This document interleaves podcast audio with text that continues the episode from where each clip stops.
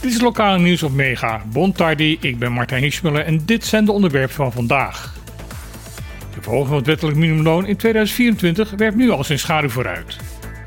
Bang dat hun winstmarges dalen, hebben diverse ondernemers besloten om nu al de consumentenprijzen van hun producten te laten stijgen. Daarmee dreigt een loonspiraal, waarmee de werkgeversorganisaties al een tijdje dreigen, werkelijkheid te worden. Het gevolg hiervan zou zijn dat de lonen op Bonaire wel omhoog gaan, maar dat de bevolking daar geen koopkrachtverhoging van ondervindt, omdat de prijzen in de winkels even hard stijgen als de lonen. De grote voorvechter van de verhoging van het wettelijk minimumloon, consumentenorganisatie Unkebon, kijkt deze ontwikkeling met grote zorgen aan. Volgens Unkebon weten veel ondernemers nog niet wat hun te wachten staat. De Rijksoverheid heeft beloofd dat er voor deze ondernemers een passende compensatieregeling komt, maar wat die precies inhoudt is nog niet bekendgemaakt. Daarom roept Unkebon de Rijksoverheid op om daar met onmiddellijke ingang meer duidelijkheid over te gaan geven. Hopelijk kan op die manier ervoor gezorgd worden dat de armsten in deze samenleving het komende jaar er ook daadwerkelijk op vooruit zullen gaan. Sea Turtle Conservation Bonaire vraagt aan de gebruikers van Lakbaai om de komende week voorzichtig te zijn met varen en surfen. Vandaag, donderdag en vrijdag wordt er namelijk een zogenaamde Capture Mark Recapture onderzoek uitgevoerd in het water van Lakbaai.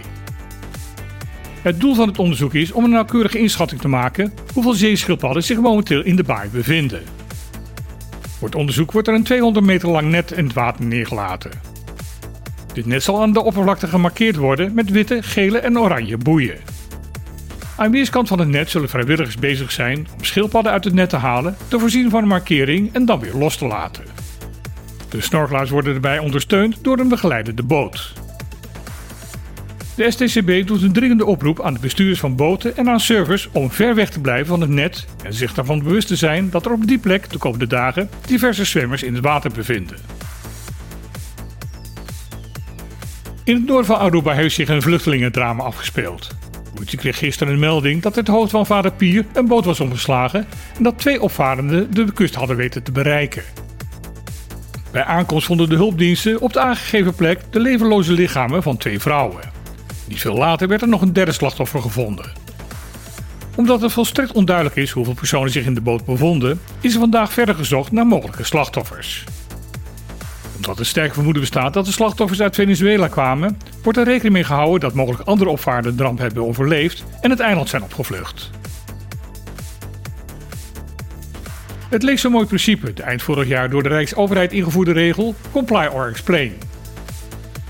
Waar het op neerkomt is dat nieuwe wet en regelgeving voor Europees Nederland ook automatisch geschikt moet zijn voor gebruik in Caribisch Nederland. In principe gaat deze regel altijd op, tenzij dit echt niet mogelijk is. In dat geval moet er goed en duidelijk uitgelegd kunnen worden waarom dat niet kan. Daarmee leek een grote stap gezet te zijn in de gelijkstelling van de twee gebiedsdelen van Nederland. De praktijk blijkt na een jaar weer barstiger te zijn.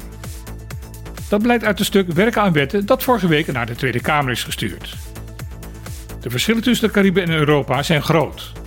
Waarbij een van de grootste struikelblokken de kleinschaligheid van de BES-eilanden blijkt te zijn.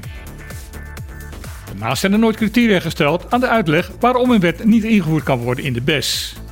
Daarom zal vrijwel elke uitleg hierover noodgedwongen geaccepteerd worden door de Tweede Kamer. Dit was het lokale nieuws van vandaag op Mega. Ik wens iedereen vandaag een goed geregelde dag toe en al heel graag weer. Tot morgen.